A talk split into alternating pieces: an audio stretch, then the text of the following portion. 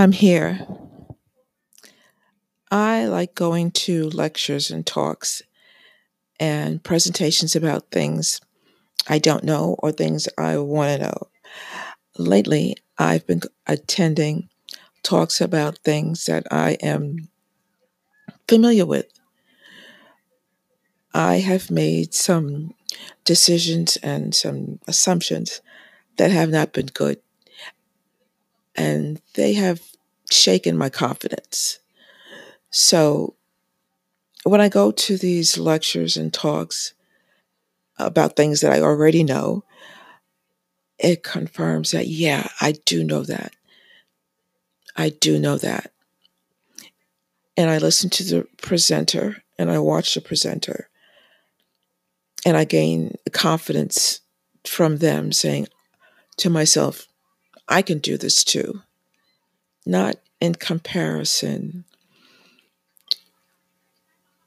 but um, let's just say I'm rooting for the presenter because I'm rooting for myself. And I have to take steps to rebuild the confidence and go into these lectures of things that I already know right now is my way of rebuilding a certain area. No one is responsible for rebuilding our confidence and we're not born with it. It is something that we acquire through trying. So right now I am in the trying stage. I have stepped back, but I'm stepping back up.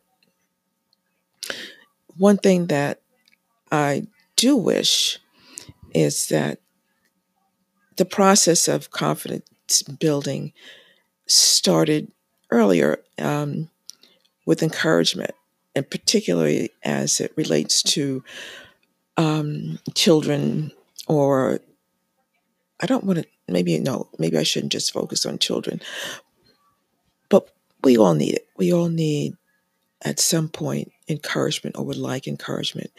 So I would like to use a, state, a statement, a slogan that we have been using for other purposes.